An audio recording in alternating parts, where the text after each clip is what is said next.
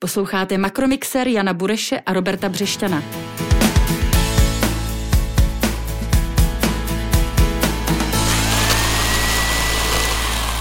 Dobrý den, je tu další díl našeho podcastu Makromixer. Vítáme vás již tradičně my dva, Robert Břešťan, šéf-redaktor serveru Hlídací pes Org a kolega. A Honza Bureš, hlavní ekonom Patria Finance. Dnešní díl bude možná trošičku delší než obvykle, aspoň soudě podle toho, co jsme si všechno našeho hosta připravili, soudě podle tématu, hosta samotného a otázek, ale mm, jak už jste si mohli přečíst, pokud tento podcast již posloucháte, budeme mluvit s členem bankovní rady České národní banky Tomášem Holubem. Ale jako vždy, nejprve, než se pustíme do našeho hosta, tři rychlá makrotémata, které proberu nejprve s Honzou. Takže Honzo, Eh, téma číslo jedna, logické i s ohledem na hosta. Eh, jaký je tvůj komentář k tomu překvapení eh, z dílny ČNB České národní banky, ten skokový růst úrokových sazeb, protože i ty, pokud vím, tak si ještě v den zvýšení sazeb předvídal výrazně nižší zvýšení. Ano, je to tak, nebudeme se moc pachtit v bolových ranách. Předpovídali jsme všichni prakticky na trhu daleko menší pohyb, takže je to další překvapení v řadě. Důležité za mě je eh, vlastně vyznění nové prognózy. Nebudu eh, dlouho eh, tady o tom hovořit, protože určitě na to přijde řeč s Tomášem Holubem, naším dnešním hostem. Ta prognóza předpokládá další nárůst úrokových sazeb, to je důležité si uvědomit, až někam do blízkosti 3,25%, 3,50%. Je doplněná třema alternativníma scénářema, ze kterých vlastně ten hlavní pro mě, který tam je takový nejkritičtější, jsou déle narušené výrobní řetězce, což eh, já si myslím, že vlastně dneska nikdo pořádně nedokáže říct, jak dlouho ty výrobní řetězce budou narušené a pokud by eh, tento scénář se měl naplnit, tak to znamená ještě výraznější nárůst eh, úrokových sazeb a za mě já tedy vnímám ta rizika spojená s tou prognózou asi jako lehce protiinflační, pardon, proinflační, proto bych Eh, se bál spíš o něco výraznějšího růstu těch úrokových sazeb, než je v té prognóze. A bude, budu se velice těšit na debatu s Tomášem na, eh, o tom, jak to vidí on to naši posluchači nepochybně také, už se nemohou dočkat, ale stejně ještě chvíli zdržíme eh, dalšími dvěma tématy. Další úzce souvisí s úrokovými sazbami a s tím, co udělá koruna, nebo co dělá koruna. Proč oproti očekávání třeba neposílila tolik, jak by se možná dalo čekat, respektive jak vidíš její vývoj? To je zapeklitá otázka. Eh, je pravda, že koruna tradičně České národní bance pomáhala v boji s inflací. Teď eh, ne, že by nepomáhala vůbec, ale pomáhá možná o něco méně, než se očekávalo. Já tam vidím dva vlastně problémy. Eh, jeden je skutečnost, že ta inflace je globálním fenoménem a vlastně nereaguje na ní už jenom Česká národní banka, ale když se podíváme na globální trhy, tak přece jenom i americký Fed nebo britská Bank of England eh, trošku přitvrzují minimálně v té rétorice a eh, to vede k nárůstu výnosů i v jiných lokalitách, než je Česká kotlina. A především ve Spojených státech si myslím, že to je hodně důležité, eh, protože vyšší dolarové výnosy a přece jenom trošku silnější dolar odčerpává likviditu z těch trošku rizikovějších lokalit, ke kterým patří i středoevropské měny a to si myslím, že se na koruně podepisuje. Ten druhý faktor si myslím, že souvisí s tím, že ehm, přece jenom výrazněji, než jsme očekávali, je zasažen průmysl, exportně zaměřený průmysl a vidíme to zejména v sektoru automotiv, kde tím pádem nedochází k tak velkému zajišťování asi uh, budoucích inkas z exportu, protože logicky exportéři se bojí a obávají se toho, jestli vůbec budou schopni realizovat některé své objednávky, realizovat výrobu a tím pádem vlastně nevyužívají těch relativně atraktivních kurzů na trhu k tomu, aby se zajistili. A do třetice, jak prismatem ekonoma eh, a makroekonomických prognóz pohlížíš na probíhající eh, novou vlnu pandemie nejen tedy v Česku, ale i v Německu? To je něco, co mě trošku překvapilo, protože vidíme, že eh, v Česku a hlavně v Německu taky ten nástup té podzimní vlny je asi trošku vlastně větší problém, než se počítalo Eh, počítalo ještě v průběhu těch letních měsíců a uvidíme, jaký dopad to bude mít do ekonomiky jako takové. Už v tuhle chvíli vidíme, že vlastně eh, nedochází tak výrazné reakci na straně vlád, eh, nejenom v Česku, ale třeba v Německu je to ostatně také vidět. Na druhé straně eh, vidíme, že chování lidí se mění, že přece jenom část sektoru služeb je tím výrazněji zasažena a my jsme vlastně i v důsledku toho přehodnotili náš výhled na německou ekonomiku ke konci roku 2021 a pro začátek roku 2022. Jeden z důvodů je ta, ten ostřejší nástup pandemie, a druhý důvod eh, je přece jenom výraznější problém ehm, odvětví automotiv jako takového, kde vlastně jak česká, tak německá ekonomika ho mají daleko výrazněji zastoupený v HDP než eh, například eh, Španělsko, Portugalsko nebo Itálie. Tak z tohoto důvodu očekáváme, že Německo vlastně poněkud překvapivě bude letos zaostávat za zbytkem eurozóny a to není nějak povzbudivá zpráva ani pro nás. Zase možná téma pro naše nějaké další makromixéry, ale teď už tedy eh, slíbený host. Já jako již tradičně poprosím Honzu, aby naše hosta blíže představil našim posluchačům. Makromixér. Jsem velice rád, že můžu v Makromixeru přivítat Tomáše Holuba, člena bankovní rady České národní banky. Vítejte v Makromixeru, Tomáši. Dobrý den, děkuji za pozvání. Eh, jak jsme tady se bavili s Robertem, eh, zdá se při pohledu na vaše rozhodnutí z posledního půl roku, že jste skoro mistři v překvapení. Eh, je to v září 75 bodů nahoru, v listopadu 1,25% bodu vzhůru. Čeká nás nějaké další překvapení, nebo už byste byl radši, kdyby se vše vrátilo do těch klidnějších vod? Já myslím, že tak velké překvapení vás už nečeká, jednak těmi velkými kroky jsme z našeho pohledu, nebo aspoň z mého pohledu, eh, dohnali svým způsobem ten inflační vývoj. Eh, my jsme cítili potřebu rychle sundat eh, nohu z měnového pedálu, což jsme do značné míry udělali. A zároveň samozřejmě po těch dvou velkých překvapeních předpokládám, že analytici už budou prozíraví a překvapit se po třetí nenechají. Snad ne, sám si to také přeji. Eh, povězte mi, eh, ještě navážu na ty překvapení, my jsme tady měli eh, zhruba před půl rokem vašeho kolegu Marka Moru, bavili jsme se o tom, že pro nás oba dva tehdy překvapením bylo to inflační vyznění pandemie, že jsme čekali spíše minimálně v té první fázi pandemie převahu deflačních tlaků. Je to pro vás také překvapení?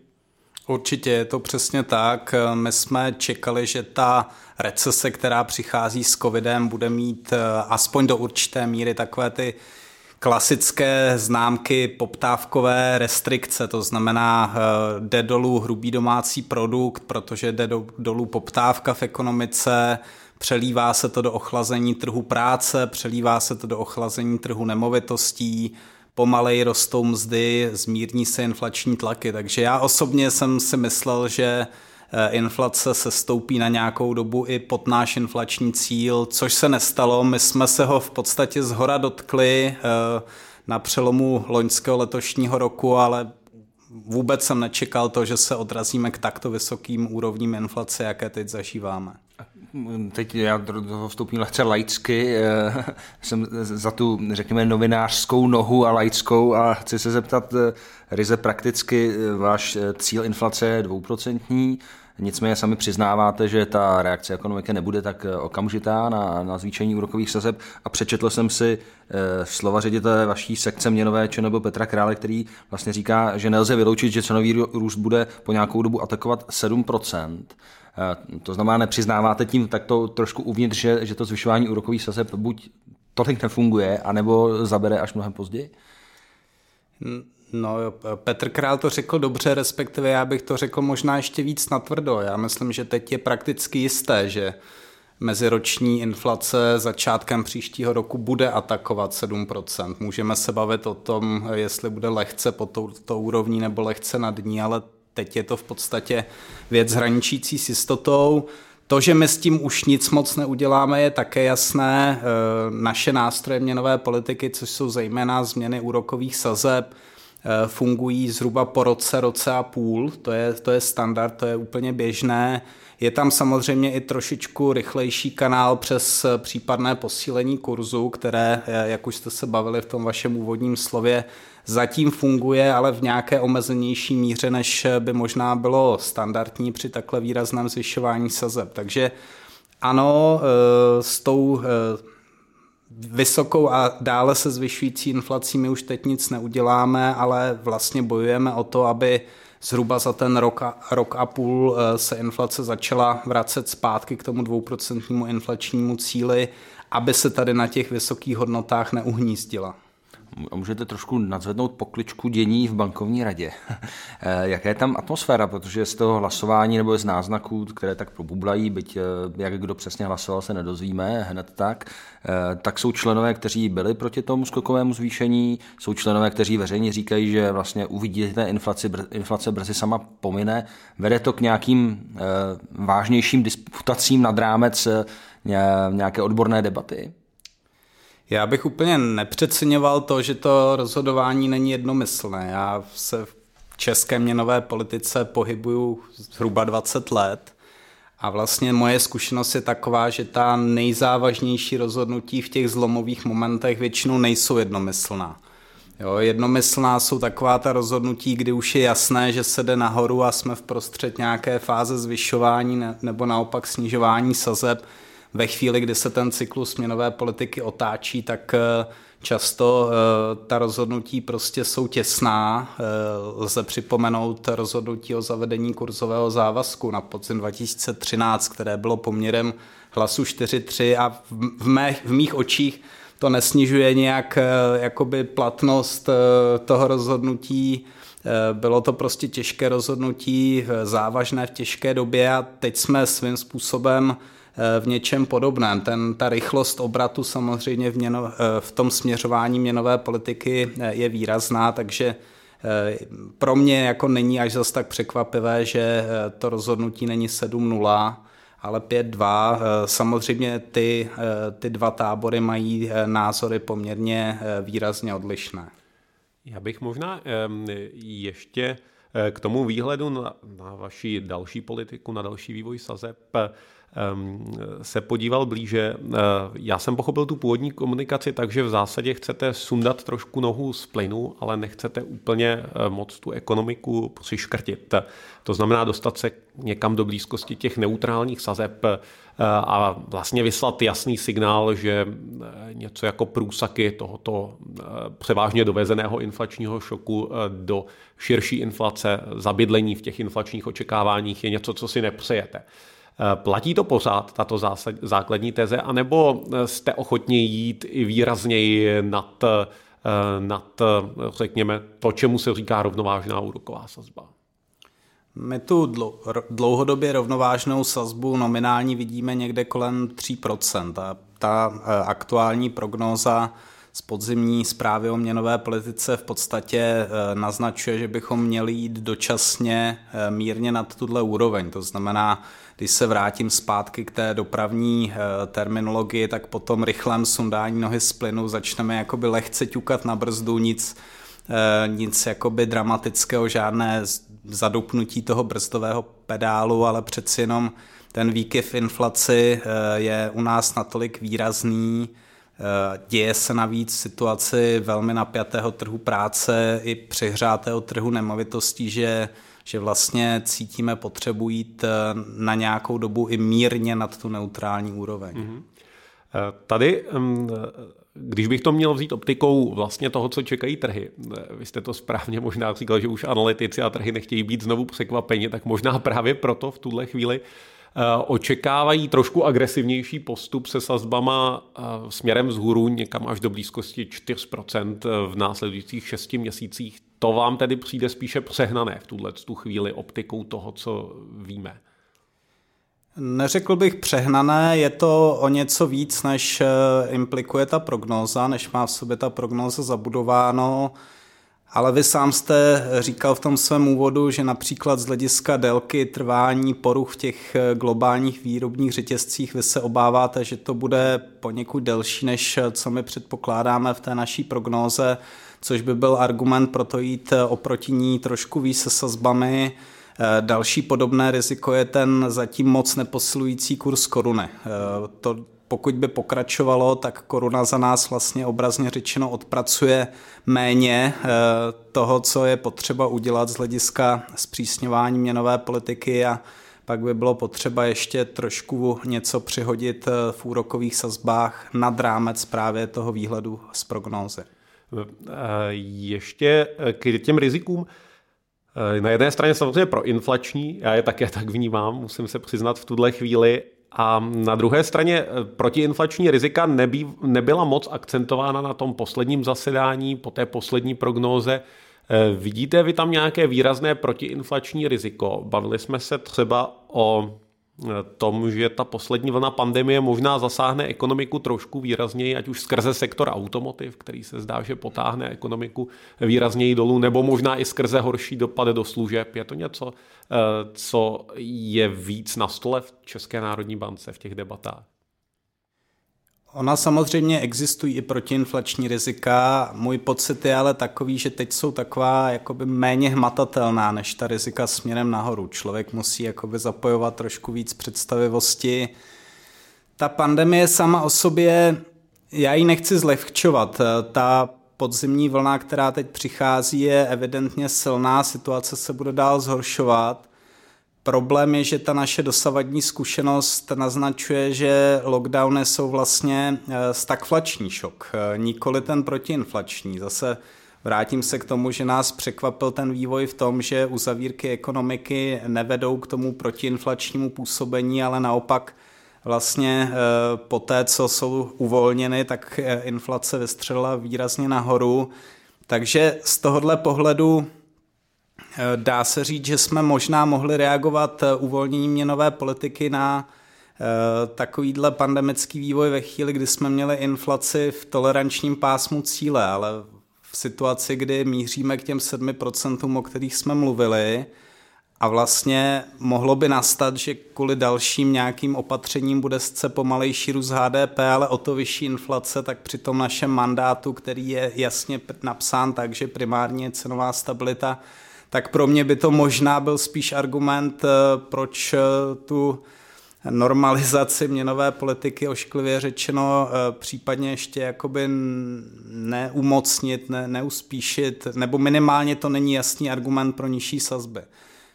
No zaznívají hlasy, že jste vlastně s tím mohli přijít mnohem dřív, že sám jste trošku naznačil, že, že, že vás, už jsme kolem toho prošli několikrát, že vás překvapily ty spíš proinflační dopady eh, pandemie. Do toho vlastně se asi ekonomé shodnou, že ekonomika byla do značné míry přehřátá vlastně ještě před dopadem koronavirového šoku, nízká nezaměstnanost, zvyšování platů. Nedává to dohromady zpětně eh, za to pocit, že jste možná mohli to zvyšování úrokových sazeb začít jako dělat dříve? Já vím, že to nedoženete, ale, ale jestli to nějaká reflexe Mě, zpětná. Měnová politika se samozřejmě nedělá s výhodou pohledu do zpětného zrcátka, ale pokud se teď do něj podíváme, tak eh, máte pravdu. Eh, pro mě je trošku úsměvné, že teď jsme vlastně pod palbou kritiky, že děláme moc brzo moc věcí, jo, Nezavděčíte moc, se. moc rázné akce, ale pokud já bych byl uh, nezávislý analytik, jako tady třeba uh, Honza Bureš, tak bych nás spíš uh, zkoušel kritizovat právě v tom zpětném pohledu, že jsme měli začít dřív. Je prostě pravda, že jsme neodhadli, jak moc silně stagflační ten covidový šok je. Jo. Prostě čekali jsme standardnější cyklický vývoj, než jaký nastal. Eh, což neznamená, že by teď dávalo nějaký smysl plakat nad tím, že jsme udělali chybu. Jo? Prostě byl to šok, který eh, nikdo z nás neznal, nikdo s ním neměl zkušenost, eh, ale z mého pohledu by spíš byla chyba si to teď nepřiznat a, a adekvátně na to nereagovat. Makromixér.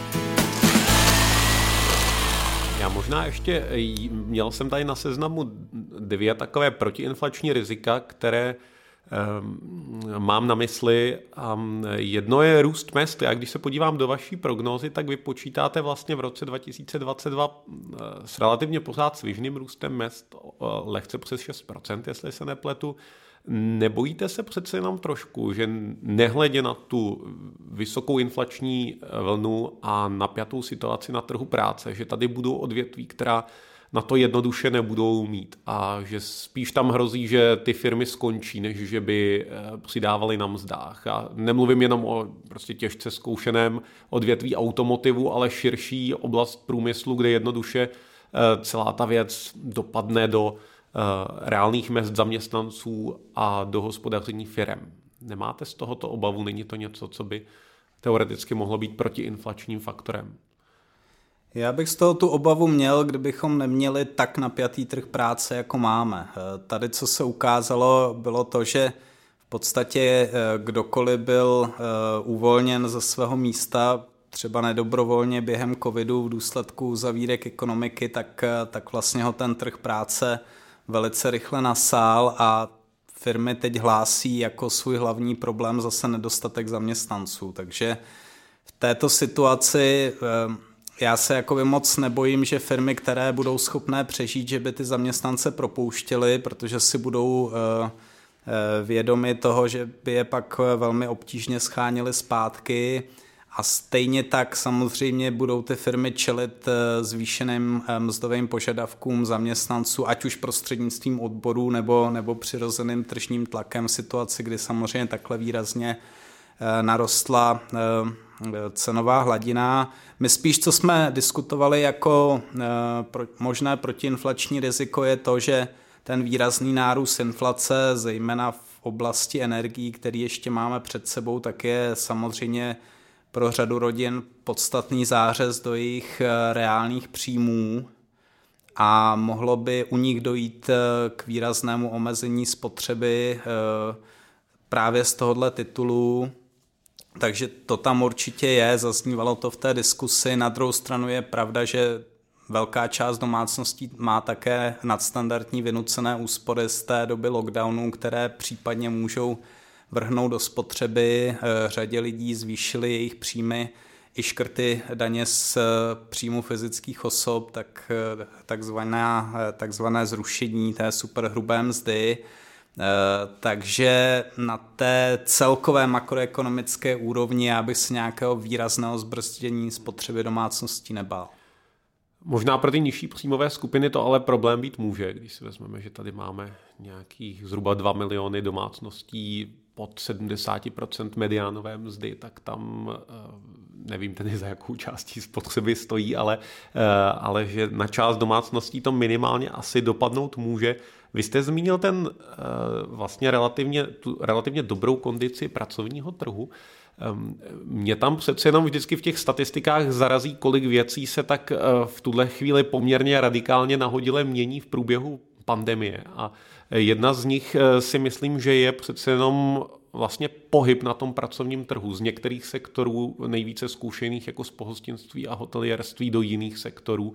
Nemyslíte si, že eh, tam může docházet i k určitému zkreslení eh, vlastně toho výkonu trhu práce? Konkrétně eh, nemohou průměrné mzdy růst rychleji čistě proto, že z určitých nízkopříjmových sektorů, jako je pohostinství a hotelierství, migrují pracovníci do odvětví, kde je jednoduše vyšší průměrná mzda? Není to pak celé vlastně trošku zkreslené? Tak do určité míry to může být. Na druhou stranu, eh, pokud se budou snažit restaurace a hotely v budoucnu nasát zpátky a alespoň část těch lidí, kteří jim utekli a kteří teď chybí, tak, tak vlastně přilákat někoho zpátky na nižší mzdovou úroveň asi moc nepůjde. Eh, navíc tím, že v těchto odvětvích stále přetrvává ta vyšší nejistota, jestli nepřijdou nějaké lockdowny, jestli vlastně to zaměstnání je jisté, takže i prostřednictvím tohohle já tam vidím určitý právě tlak na, na vyšší mzdovou hladinu. Jinak souhlasím, že vlastně eh, určitý, eh, určitá část populace skutečně tím stávajícím vývojem může být zasažená poměrně silně. Eh, když jsem se bavil o těch agregátních číslech, tak za nimi se samozřejmě skryje ledacos. Bohužel to zrušení superhrubé mzdy vyvolalo poměrně velký výpadek příjmu státního rozpočtu a bylo nasměrováno disproporčně hodně k vysokopříjmovým skupinám, které nepochybně ten momentální výkyv inflace, včetně cen energií, jsou schopny zvládnout daleko lépe než ty nízkopříjmové skupiny, které by teď možná nějakou fiskální podporu potřebovaly, ale, ale stát se vlastně dobrovolně připravil o velkou část příjmu, z kterých by to mohl financovat. No na, na druhé straně mluví se o tom, že za ten růst inflace do jisté míry může i svou expanzivní rozpočtovou politikou vláda, vysoké 100 miliardové deficity eh, veřejných rozpočtů. Eh, z vašich statistik nebo údajů a poznatků to, to tady neplyne, že, že ty rozpočtové deficity vlastně gigantické na, na, na české poměry, eh, jak loňské, letošní, tak i plánované na příští rok, že v tom, nebo jinak, jakou v tom hrají, hrají roli? Určitě v tom svoji roli hrají naše analýzy, které jsou obsaženy v té eh, poslední zprávě o měnové politice, ukazují, že sice velká část toho inflačního výkyvu je dovezena z zahraničí, ale minimálně 40% eh, je spojeno s domácí poptávkou, s domácím trhem práce nebo obecně s těmi domácími fundamenty. A samozřejmě vývoj ekonomiky eh, ve všech těchto parametrech ovlivňuje mimo jiné fiskální politika. Měnová politika taky, jo? takže můžeme si říct, že k té stávající inflaci přispívá jak ta doposud uvolněná eh, fiskální politika během, během covidu, tak samozřejmě i to uvolnění měnové politiky. V tomhle smyslu my nehrajeme žádnou hru, že bychom chtěli přehodit tu vinu na vládu, ale na druhou stranu popírat, eh, že fiskální politika ovlivňuje eh, agregátní poptávku v ekonomice a tím celkovou ekonomickou výkonnost, situaci na trhu práce a inflaci, to, to by bylo jako skoro popírání gravitace. A jak se vám v této souvislosti poslouchají výpady politiků? Chápu, že ze své pozice asi nebudete úplně otevřený ve vztahu k politikům, ale jak premiér Babiš, tak eh, ministrně, myslím v našem rozhovoru, eh, tak ministrně Šilerové opakují, že vaše kroky vlastně k ničemu nepovedou, že naopak zhorší výkon ekonomiky, že je to dovezená inflace, ty argumenty znáte. Zažil jste někdy ve své pozici člena bankovní rady, řekněme takto, otevřené výpady vlády proti politice České národní banky? Tak my jsme zažili poměrně vyhrocenou debatu například po zavedení kurzového závazku. Tehdy to bylo trošku v jiném gardu. Tehdy eh, premiér nás vlastně podpořil. A shodou okolností to byl stávající guvernér eh, Jiří Rusnok tehdy. Eh, ale byla spousta politiků, kteří to veřejně kritizovali a ta politika byla nepopulární. Já jsem zmínil, že se vlastně v v oblasti české měnové politiky pohybuju dvě desetiletí, tak už jsem svým způsobem otrlý. My prostě musíme být zvyklí na to, že eh, zvlášť ta výrazná opatření, která reagují na nějaký výrazný problém, tuhle kritiku vyvolávají, ale my máme prostě silně garantovanou nezávislost a musíme se rozhodovat podle toho, co opravdu považujeme za eh, nejlepší z pohledu plnění našeho mandátu cenové a finanční stability a, a svým způsobem tuto kritiku, tenhle typ eh, musíme po sobě trochu nechat eh, prostě stéct jak eh, vodu po pláštěnce. Makromixér. Já možná tady navážu na Roberta. Vám je častokrát vyčítáno, že vlastně jdete trošku proti proudu, minimálně když kritici vás porovnávají s Evropskou centrální bankou, částečně s americkým Fedem. Eh, do jaké míry byste řekl, že toto porovnání eh, je nerelevantní tím, že ta situace u nás je jiná, anebo do jaké míry si myslíte, že vy těžíte z větší nějaké nezávislosti, odvahy přistoupit k tomu problému inflace skutečně vážně, což eh, minimálně v případě Evropské centrální banky je zjevné, že tam ta situace je složitější hledat koncenzus pro relativně nesourodé těleso. Já bych řekl, že to je kombinace obojího. Ta situace, když začnu od Evropské centrální banky, je jiná minimálně v tom, že Evropská centrální banka 15 let bojuje s podstřelováním svého inflačního cíle, který navíc de facto mírně zvýšila eh, v rámci své revize, kde řekla, že chce cílovat 2% symetricky, přitom vlastně teď měli inflaci dlouho pod touto úrovní a vlastně čelili tomu, že jejich inflační očekávání byla ukotvená na nízkých hodnotách. A pokud teď vlastně přišel šok, který jim pomůže tato inflační očekávání zvýšit tak, aby byli schopni ta 2% nějak dlouhodobě plnit, tak vlastně eh, je to jakoby svým způsobem, bych řekl, štěstí v neštěstí pro ně. My jsme v jiné situaci, protože jsme už eh, před covidem měli v podstatě dva a půl roku inflaci mírně nad cílem, byť většinou v tom našem tolerančním pásmu. Měli jsme ten velmi přehřátý trh práce, trh nemovitostí a Samozřejmě u nás, pokud začnou inflační očekávání růst, tak už začnou růst tím špatným směrem, to znamená zvyšovat se nad cíl a jejich případné jakoby zahnízdění takhle zvýšených očekávání České republice by byl do budoucna problém a bojovat s tím by bylo eh, prostě nákladné víc, než je to aktuální zvyšování sazeb.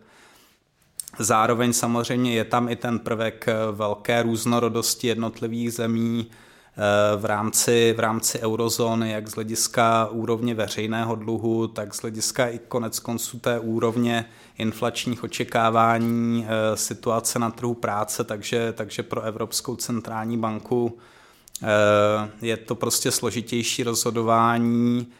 A Navíc troufnu si říct, že máme eh, prostě historicky jakoby lepší track record z hlediska schopnosti dělat v předhledící měnovou politiku než, než ECB. My se prostě snažíme koukat ne na to, eh, jaká je situace teď, ale eh, kde budeme zhruba za, za rok a půl. Nepřijde vám, že se ten charakter toho politického tlaku přece jenom i na západě trošku mění? Eh, od toho klasického na centrální banky inflace ano, eh, samozřejmě tu musíte hlídat, ale jste tady primárně od toho také, abyste podporovali eh, růst a zaměstnanost, což třeba v případě ČNB nikdy není uvedeno jako cíl, cíl centrální banky, ale tak nějak ten politický tlak vždycky je tímto směrem, i přece jenom za tím růstem a zaměstnaností.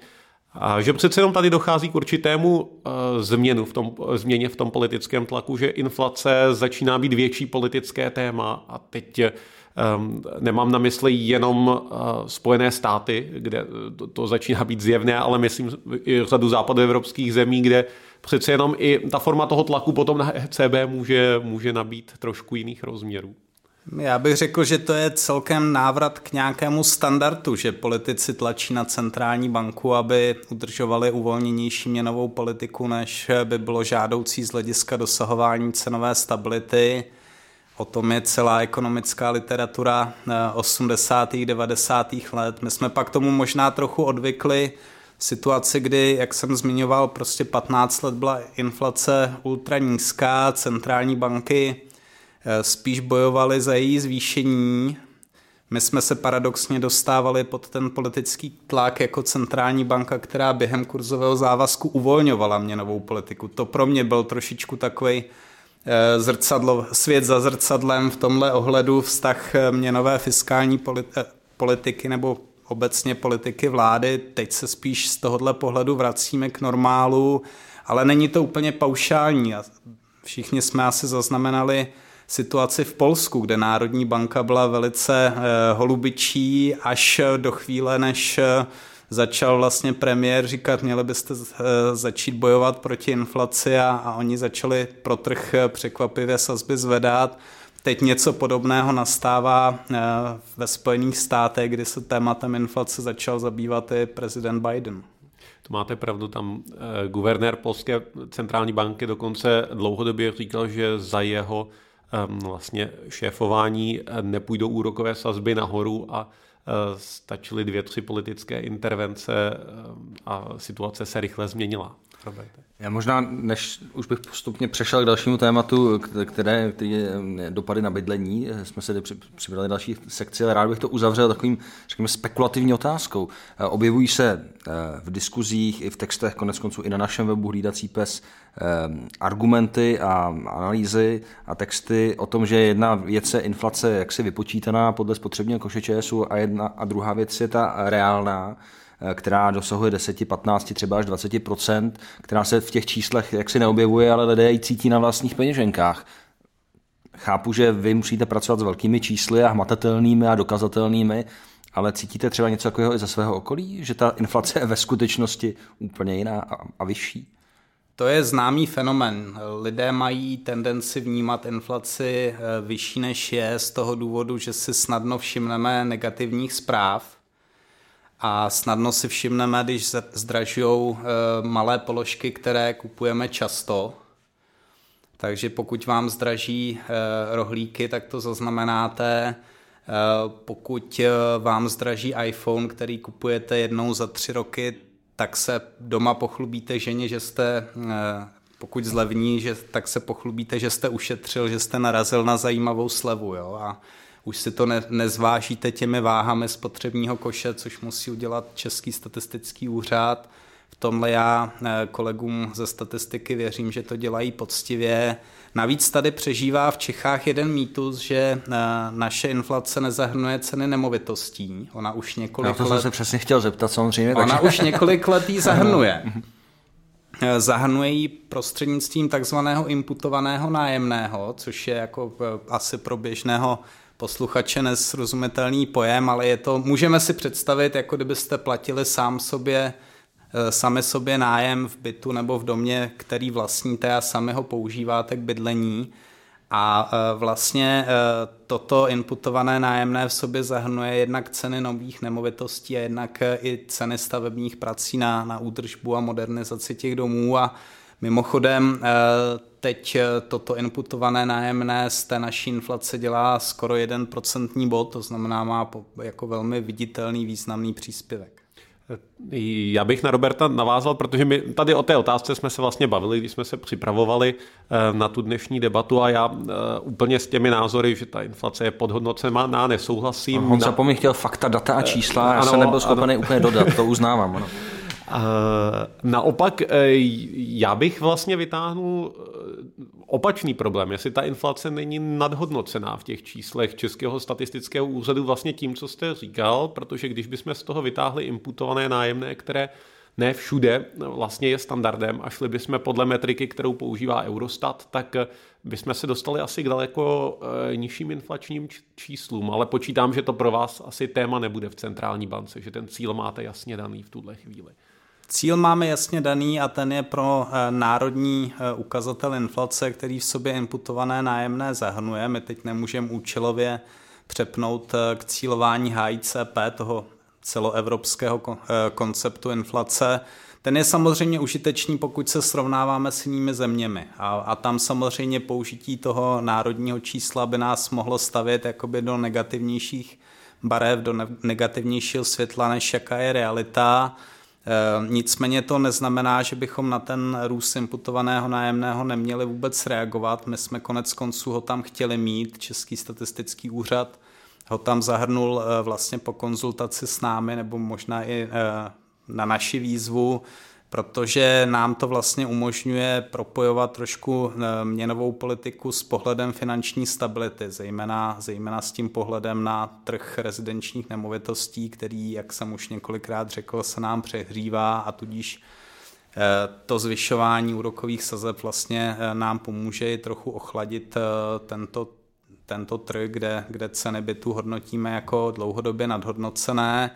Takže to je jedna věc. Druhá věc ještě v tom mezinárodním srovnání, zas aby, abychom nevypadali tak dobře, eh, u řady jiných zemí v Evropě měřeno tím HICP inflace eh, narostla podobně jako u nás, ale u nich eh, už se propsaly vysoké ceny elektřiny a plynu do té inflace. My to máme stále ještě v potrubí, abych to řekl lidově, spadne nám to tam v lednu, v únoru příštího roku a rázem eh, si troufnu říct, že eh, i tím ukazatelem HICP budeme poměrně vysoko ve srovnání s jinými evropskými zeměmi.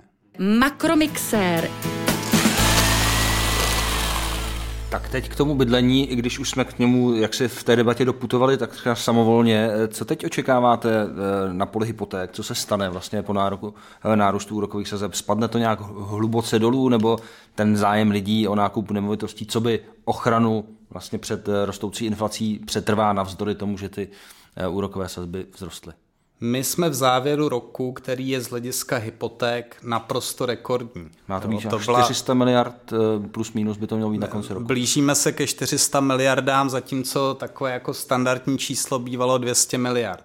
Takže asi tady kolegové, kteří jsou v retailu, budou mít tučné bonusy, předpokládám v ČSOB, ale každopádně je to trh, který se přehřívá. Myslím si, že tímto tempem hypotéky prostě do budoucna nemůžou pokračovat v růstu. Jediný výsledek by byl tlak na další eh, výrazný zvyšování cen nemovitostí a tím vlastně zhoršování dostupnosti bydlení. Pokud máme dlouhodobě eh, strnulou nabídku bytů a v tom se bohužel prakticky všichni ekonomové shodují a prostě poptávka by dál mohutně rostla, podporovaná eh, velmi dostupnými hypotékami, tak, tak ta implikace z hlediska nárůstu cen nemovitostí by byla zřejmá. To znamená, že to zvyšování úrokových sazeb nepochybně tenhle trh eh, přitlumí, ale rozhodně ho nijak nezardousí. A stejně tak si eh, nemyslíme, že by došlo k poklesu cen nemovitostí. My spíš budeme tlumit eh, tempo, tempo jejich růstu, což se pak následně bude propisovat i do toho inputovaného nájemného a, a nižší inflace v této položce. Eh, to je svým způsobem jeden ze smyslů toho opatření, ale, ale eh, rozhodně bych nečekal nějakou katastrofu na, na hypotečním trhu. A katastrofa ve smyslu osobních financí, kdy lidem skončí fixace a najednou zjistí, že musí splácet násobně víc. Eh, očekáváte nějaké problémy v tomto smyslu? Je to problém nebo je to téma i pro vás, jako pro Českou národní banku? Vlastně to prasknutí nemovitostní bubliny, které stálo být za jiných okolností eh, u té poslední velké finanční krize. To samozřejmě může být pro, pro jednotlivé individuální rodiny eh, nepříjemné. Eh, nevím, do jaké míry to bude masový jev. Je pravda, že v těch posledních dvou letech, kdy jsme měli úrokové sazby ultra nízké, tak řada domácností využila možnost refinancovat hypotéku za výhodných podmínek a předpokládám, že si je zafixovala do, na několik let dopředu. Eh, ale samozřejmě mohou být domácnosti, které si brali eh, hypotéky v letech 2016-2017, mohly mít úrokovou sazbu třeba 2%, na, jednou jí budou mít 4% a a to jejich eh, úrokové zatížení nebo zatížení splátkami naroste. To bohužel je nepříjemná součást nebo vedlejší efekt té měnové politiky, kterému my se nevyhneme. Měnová politika vždycky eh, někomu bezprostředně prospívá, někomu může eh, tu situaci stěžovat. Ale jeden z takových jako dlouhodobých poučení, my vždycky říkáme, nechoďte s hypotékama až na hranu. Jo, to, že jsem schopný jakž tak s odřenýma ušima splácet hypotéku za 2% a pak jsem zaskočen, když ta sazba po pěti letech vzroste na čtyři, to není úplně dobře. Jo? Každý si musí vždycky vyhodnotit tu svoji schopnost splácet a, a počítat s tím, že ty podmínky se můžou eh, do budoucna zhoršit. Jak se stavíte k těm návrhům na navyšování vlastně splatnosti hypoték nad rámec, řekněme nějakých těch 30 let, i třeba ke 40 letům? Známé jsou ve Švédsku modely stoleté hypotéky, kde de facto mezigeneračně se předávají ty nemovitosti i s hypotékou, takže dalo by se mluvit o jisté formě nájemního bydlení zatíženého hypotékou. Je to něco, co považujete za možné u nás, nebo vás to spíš naplňuje obavami? Negativně se na to dívám. Negativně Jednoznačně. Hm. Já už jsem zmiňoval ten jeden aspekt, pokud máme strnulou nabídku eh, nemovitostí a vymyslíme způsob, jak dál podpořit poptávku, například tím, že si budou moct vzít hypotéku díky těm mezigeneračním hypotékám nebo hypotékám na 40-50 let i lidi, kteří doteď nemohli, tak prostě jediný výsledek budou vyšší ceny nemovitostí. To nemůže vést samo o sobě k větší dostupnosti bydlení, naopak spíš to může vést k vyšší zadluženosti. Pokud jste zmiňoval ty příklady skandinávských zemí, tak eh, kole, naši kolegové z ČNB, z finanční stability, kteří se baví se svými kolegy ze Skandinávie, tak ty z toho spíš mají bolení hlavy z tohohle eh, rámce nebo z, z těchto programů. Eh, takže já bych určitě nic takového nepodporoval. Navíc já tam vidím, pokud se bavíme o těch mezigeneračních hypotékách, tak já tam vidím určitý negativní morální rozměr. Eh, představa, že zadlužím své děti, aniž bych věděl, že budou mít zájem bydlet v té nemovitosti, kterou si já pořizuju, aniž bych znal jejich budoucí příjmy, to mi přijde, že je takové opravdu a ne úplně jakoby etické. Sám ani nerozumím, proč s tím vlastně některé banky přišly v době, kdy právě měly letos tak výrazné hypoteční žně, proč mají, mají tendenci hledat ještě někde v zákoutí toho trhu, kde by vyluxovali další potenciální klienty. Z těch témat, které jsou pro řadu lidí důležitých, důležité tam patří nepochybně právě bydlení, ale také ekologie. Abychom se posunuli ještě k závěrečnému eh, mixu otázek, které na vás máme. Eh, velké téma je Green Deal, velké téma je obecně změna přístupu k životnímu prostředí, elektrifikace a tak dále. Myslíte, že, bude, že to bude dopadat na třeba právě i na vyšší inflaci, na řekněme, horší život pro nižší příjmové skupiny, právě ta snaha o čistší planetu, má to, nese to sebou tyto konotace. Ostatně vidíme to i v eh, rostoucích cenách energií a, predikuje se, že porostou ještě více. Eh, opět předpokládám, že je to něco, co ve svých predikcích jako ČNB nějakým způsobem zohledňujete. Tak ano a ne. Ta, ano je odpověď na tu první část té otázky. E, to znamená, očekávám, že v delším období vlastně snaha o ozelenění znamená, že energie bude míň a bude dražší.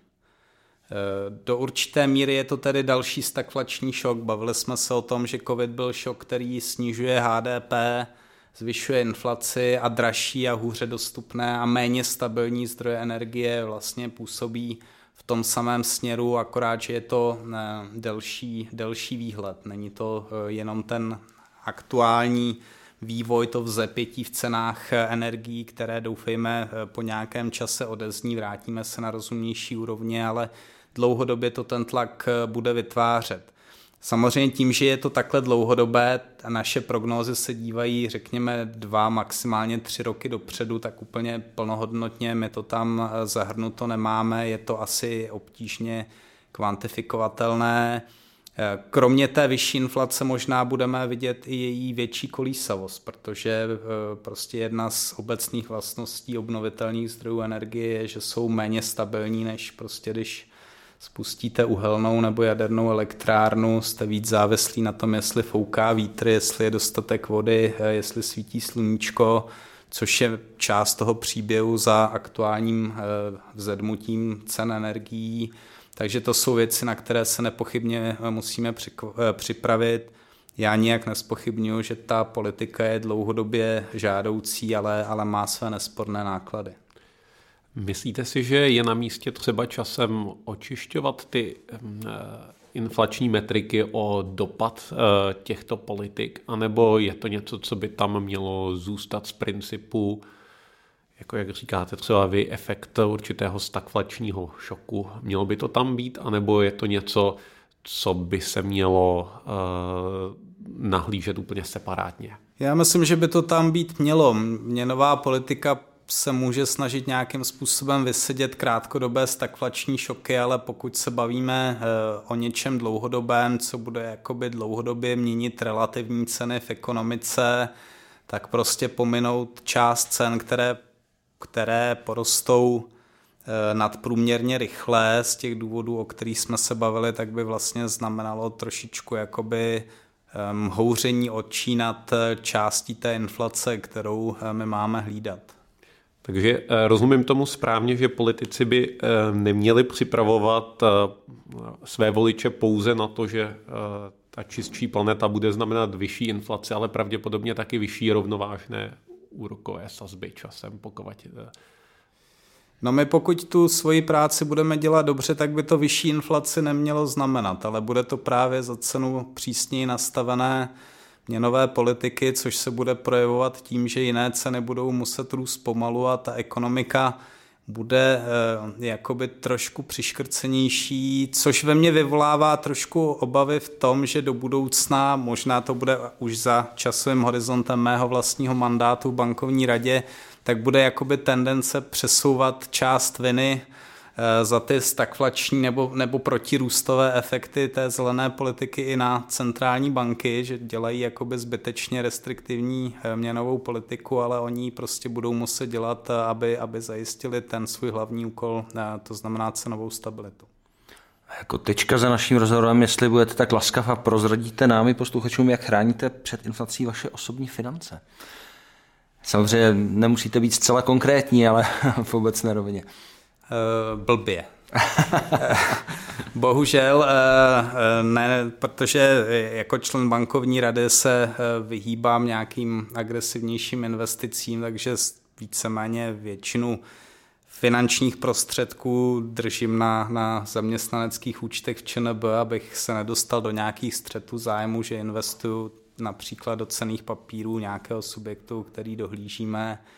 Kromě toho samozřejmě mám vlastní nemovitost, ale to jsem nevnímal jako ochranu eh, peněz před inflací, spíš jako eh, uspokojení potřeb vlastní rodiny. Říká Tomáš Holub, člen bankovní rady České národní banky. Děkujeme za rozhovor. Já taky děkuji. Naslyšenou.